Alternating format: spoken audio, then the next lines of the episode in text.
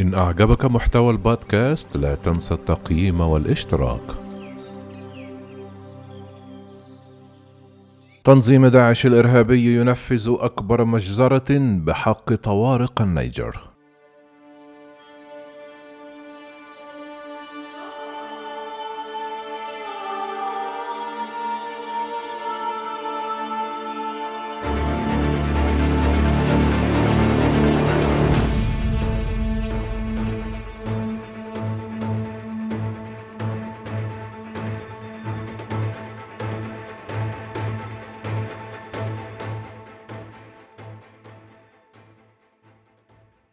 نفذ تنظيم داعش الإرهابي ما اعتبر أكبر مجزرة من نوعها في صحراء الطوارق متبعا أسلوب القتل والحرق والنهب والإبادة الممنهجة التي راح ضحيتها مئات من طوارق مالي والنيجر. وبحسب معلومات حصرية قتل التنظيم الإرهابي في مجزرة قرية تليا الوادعة في الصحراء مطلع الأسبوع في جنوب غرب النيجر. مائة وواحد وأربعون مدنيا من بين رجال ونساء وأطفال فيما نهب أكثر من خمسة ألف من البعير. وقرابة أربعة آلاف ونحو عشرون ألفا من الأبقار والأغنام وعددا من السيارات. وقال ناشط عربي من مالي أن المجزرة وقعت في قرية تيليا وهي قرية وادعة في قلب صحراء دنق شمال غرب. شنتروبدين القرية التابعة لإقليم طاوة. سكانها ناس مسالمين من قبيلتي إيزاوت وأمازوغون وليسوا من حملة السلاح في المنطقة.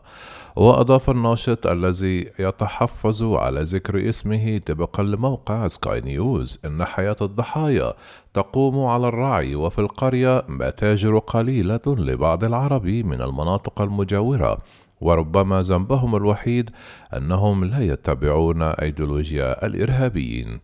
وكشف المصدر أن الضالعين في المجزرة هم من تنظيم داعش الإرهابي وأغلب جنود هذه الفئة الباغية في ذلك المثلث الحدودي هم من قبائل الفلان الرحل مع أفراد فيها من مختلف سكان المنطقة وقادتهم المعروفين من المعروقين في جبهة البوليزاريو على رأسهم أبو الوليد الصحراوي.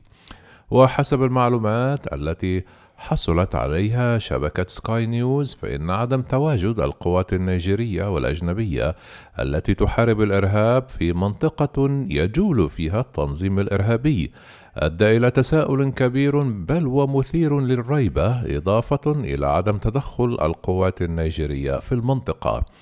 وعدد الضحايا كبير جدا من بين 140 إلى 200 والعدد قابل للزيادة لأن المذبحة وقعت في يوم السوق الأسبوعي للقرية حيث طوق الجناه القرية من كل الجهات وبدأوا بإطلاق النار عليهم فكان حجم الضحايا كبير جدا من الرجال والنساء والأطفال وكبار السن.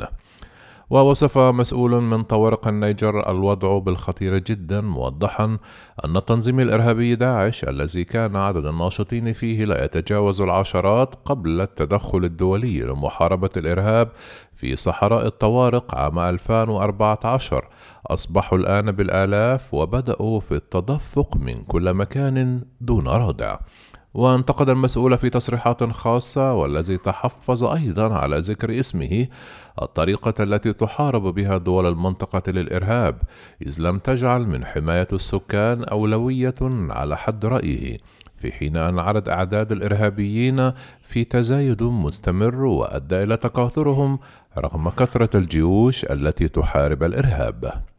وأوضح قائلا إن أي خطة لمحاربة الإرهاب تستبعد بناء شراكة مع سكان المنطقة ستبوء بالفشل وهذا ما يحدث الآن. الطوارق مستبعدون من أي حلول لمحاربة الإرهاب في مالي والنيجر والنتيجة ما نراه الآن. وإن لم يوضع الأمر في عين الاعتبار فإن المنطقة بدأت تصبح واحة وجنة للإرهابيين. وتابع قائلا الحل في أن يقوم المجتمع الدولي بقيادة هذه المهمة. وأن يلزم دول الساحل والصحراء في اعتبار الطوارق شركاء لهم حقوق وتجب حمايتهم. ويتهم المسؤولون الطوارق دول المنطقة بتسهيل دخول الإرهاب في المنطقة وشيطنة قضية الطوارق في مالي والنيجر. حيث لم يتم الالتزام ببنود أي اتفاق خلال العقود الثلاثة الماضية. وتنشط في الساحل والصحراء عدة جماعات إرهابية. أبرزها تنظيمي داعش والقاعدة وبوكو حرام وجماعة نصرة الإسلام. وفي فبراير الماضي شارك الرئيس الفرنسي إيمانويل ماكرون عبر الفيديو في قمة تجمع قادة دول الساحل الإفريقي الخمس بوركينا فاسو وتشاد ومالي وموريتانيا والنيجر في العاصمة التشادية بنجامينا. وبحثت القمة الفرنسية الأفريقية التمرد الإرهابي في منطقة الساحل الشاسعة حيث تأمل فرنسا في التمتع بدعم عسكري أوروبي خلال مهمة تاكوبا التي تساعد مالي في قتالها ضد المتمردين ودعم قد يخفف من التزاماتها العسكرية في المنطقة مع تعالي الأصوات في فرنسا المطالبة بتوضيحات حول كلفة وفائدة عملية برخان خصوصا مع ارتفاع حصيلة قتلى الجنود الفرنسيين إلى خمسين جندي في مالي.